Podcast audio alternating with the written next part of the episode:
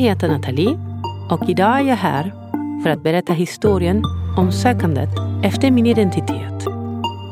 När människor som både står mig nära eller inte så nära får reda på att jag är adopterad och att en dokumentär har filmats sedan jag aktivt började söka efter mina rötter följer alltid en rad frågor. Jag har svarat på dessa frågor under många år nu.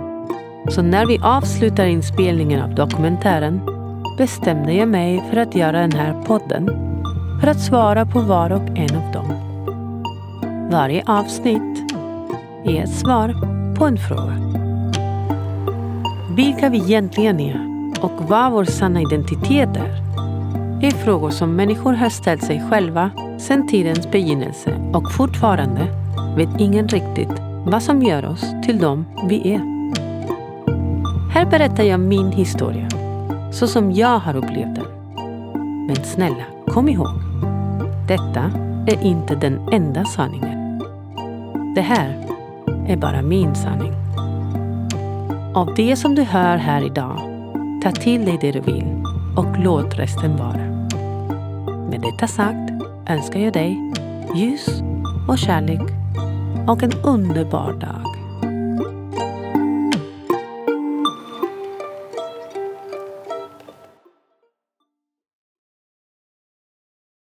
Kapitel 11 Vem är Martin, den ovetande hjälten, del 2 Efter sju år, utan att ha haft någon kontakt, började vi prata igen tack vare sociala nätverk.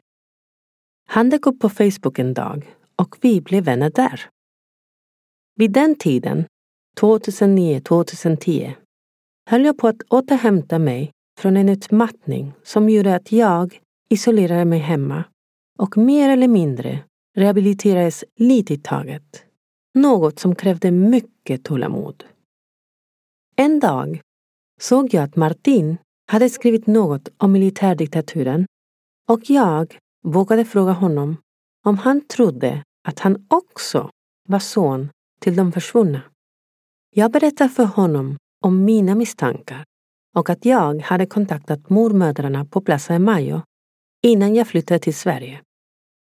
Jag berättade också att jag inte hade vågat lämna DNA så att de skulle kunna hitta en match i deras DNA-bank.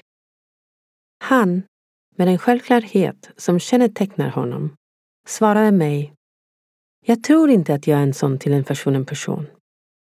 Men jag ska snart resa till Argentina. Vill du att jag ska ta reda på om du är det? Jag svarade ja men förstod inte riktigt hur han kunde få reda på något sånt.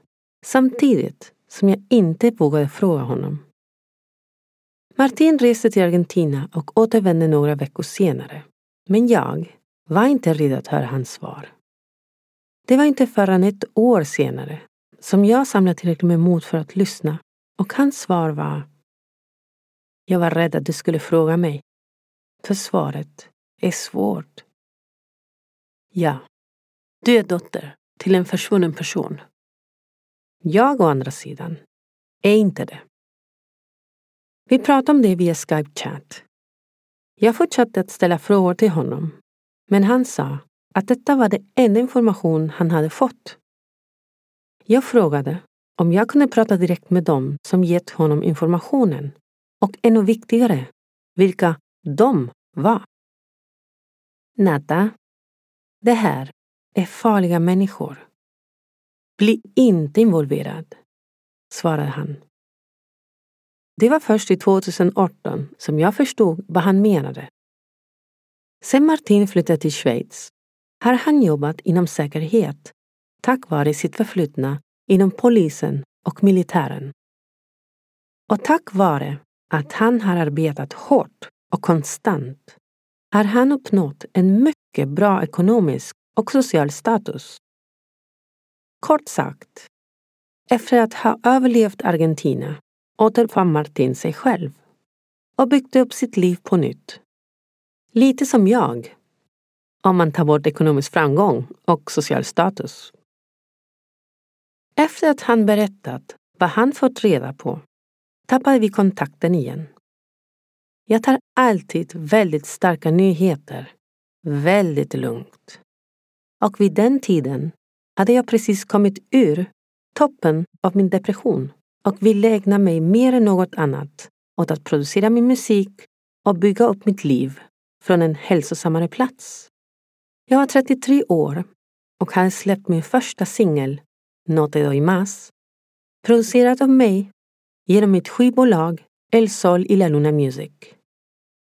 Vilket, om jag får se det själv, var ett stort steg för någon som två år tidigare knappt kunde ta sig ur sängen, svara i telefon eller lämna huset.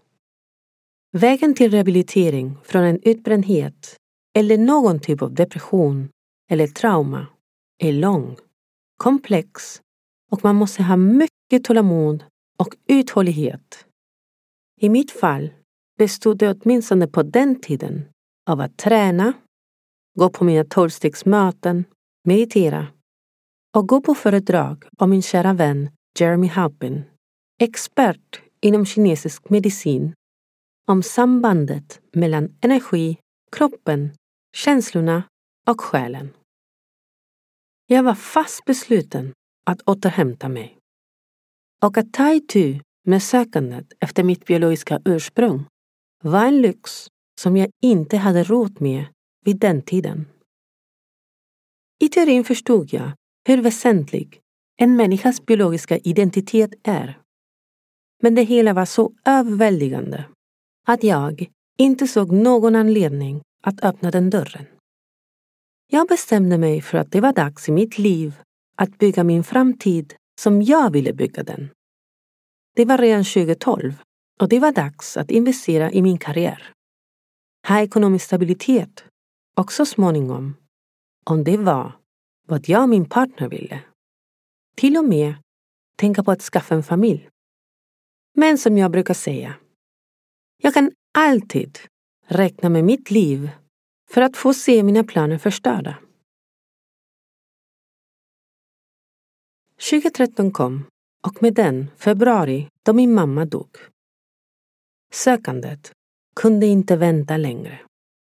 Det var skrivet i stjärnorna. Från och med det året skulle bruset inom mig bedöva mig tills jag lyssnade på det. Sakta men säkert öppnades dörren och jag kände mig som Alice i Underlandet som ramlade ner i kaninhålet. Jag har redan berättat vad som hände efteråt. Jag gick till mormödrarna på Plaza Mayo och lämnade så småningom mitt DNA i slutet av 2015 för att se om min biologiska familj fanns i deras genetiska databank.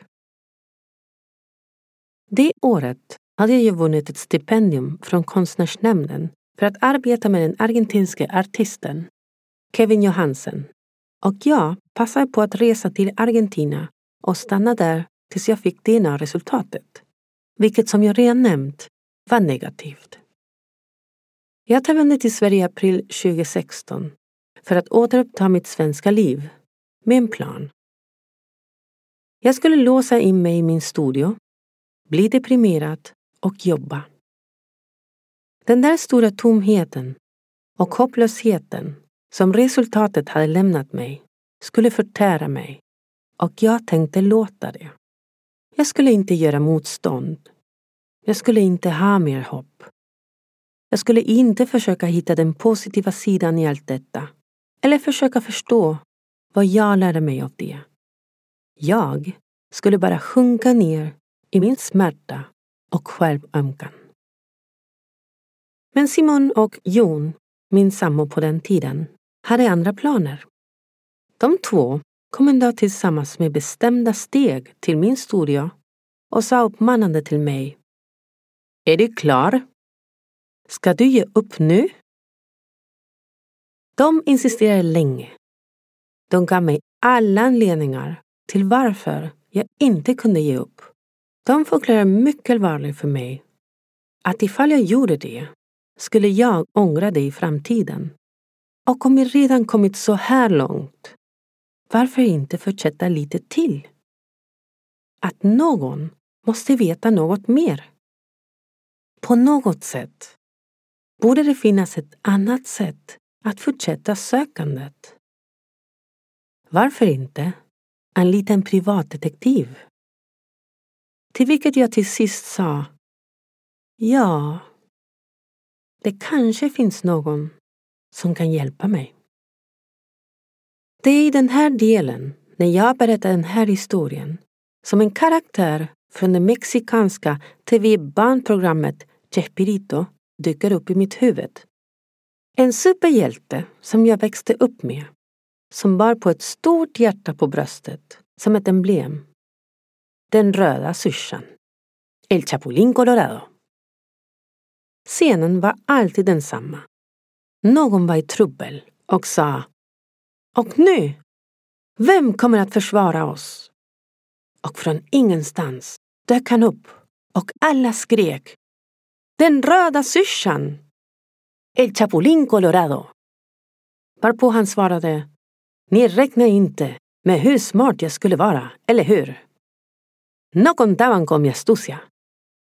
Och räddade dagen. Sådär. När Simon nämnde privatdetektiven tänkte jag, jag ska ringa min röda syrsa, mi Chapulín Colorado. Jag skickade ett meddelande till Martin där och då. Och naturligtvis svarade han inom några minuter. Och så återupptar vi äventyren om Natti och Martin, den röda syrsan, El Chapulín Colorado. Jag berättade för honom allt som hade hänt. Allt. Historien med mormödrarna på Plaza Mayo, dokumentären, min sorg. Och Martin, som är född till att vara hjälte, bestämde sig utan att tveka en minut för att hjälpa mig. Simon, Jon och jag reste till Schweiz i oktober 2016. Vi stannade bara ett par dagar. Jag tog med mig en kopia av akten som mormor på Plaza de Mayo hade med mitt ärende. Så fort Martin hade läst igenom den skickade han ett meddelande till en kontakt i Argentina som i sin tur kunde ge oss information om läkaren Celestino Artuca som hade sålt mig och adressen där jag ska ha fötts. Inom en timme fick vi svaret. Det har varit många som frågat om den adressen och den där läkaren. Särskilt i fall som haft att göra med stöld av spädbarn under militärdiktaturens tid. Han skickade oss också länkar till en Youtube-video med dolda kamerabilder av läkaren Bartuka där det klargjordes att försäljning av spädbarn var mycket vanligt och i princip aldrig bestraffades. Den som hade laddat upp videon på Youtube var Lorena Quiroga, som också var med i videon. En modig kvinna som också hade sålts av läkaren och letade efter sin sanning. Vi återvände från Schweiz och min själ gjorde så ont. De hade sålt mig som ett husdjur. Verkligheten är vackrare när man föreställer sig den än när man konfronterar den. Men jag kom också tillbaka med en ny inre styrka tack vare att Martin, som egentligen inte haft några skäl att hjälpa mig, hade använt sina kontakter och ägnat sin dyrbara och knappa tid åt oss under ett par dagar. Inför en så tung verklighet ställde sig en hjälte upp och ändrade förloppet i min berättelse. En hjälte tog av sig sin förklädnad, visade vem han verkligen var och lyfte mig ur leran. Vi träffades igen i Paris när Simon och jag åkte dit för att träffa Ignacio Carlotto, det återfunna barnbarnet som jag pratade om tidigare, och Claudia Carlotto, samordnare för Conadi. Vi träffades ännu en gång när vi reste till Argentina tillsammans med Simon, Jon, Martin och jag 2018 och fick reda på den barnhandel som pågått och försökte koppla samman militärdiktaturen med läkaren Bartuka. Sista gången vi reste till Argentina var det bara Simon och jag. Visst saknar jag Martin. Men jag förstår också att han säkert hade många anledningar att lägga sin tid och energi på annat. Martin och jag simmar i samma vatten. Och även om vi på så många sätt är väldigt olika så är vi någonstans inom oss väldigt lika. När han tittar på mig vet jag att han ser mig. Och när jag tittar på honom tror, eller hoppas jag, att han vet att jag också ser honom. Att få göra en del av denna resa med honom var en lyx. Att få leva i hans aura var fascinerande. Det finns sådana människor i världen med så många lager och facetter och djup som är oändliga. Martin är en av dem. En hjälte som smälter in på väldigt mörka platser men som alltid kommer att vara den han alltid har varit. Den där pojken jag kände som spelade detektiv på rasten. Den som försvarade dem som inte kunde försvara sig. Den som älskar rättvisa sedan en ung ålder. Hans själ kommer alltid att vara hans själ. Och jag kommer alltid att veta att den finns där. Det spelar ingen roll vilken väg han tar i livet. Martin kommer alltid att vara min ovetande hjälte. Min röda syrsa. Min Chapulín Colorado.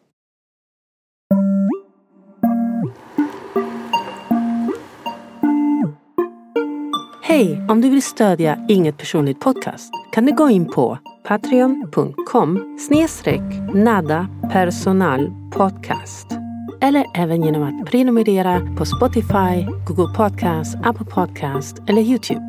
På Facebook hittar du den som Nada Personal Podcast och på Instagram som nada.personal podcast eller direkt på nadapersonalpodcast.com. Podden och musiken är producerad av mig, Nathalie Knudsen, i El Luna Music, Stockholm, Sverige. Översättning till svenska är gjord av Deidre Palacios och Josefin Frank. Tack så mycket för att du har lyssnat. Ha en fin dag.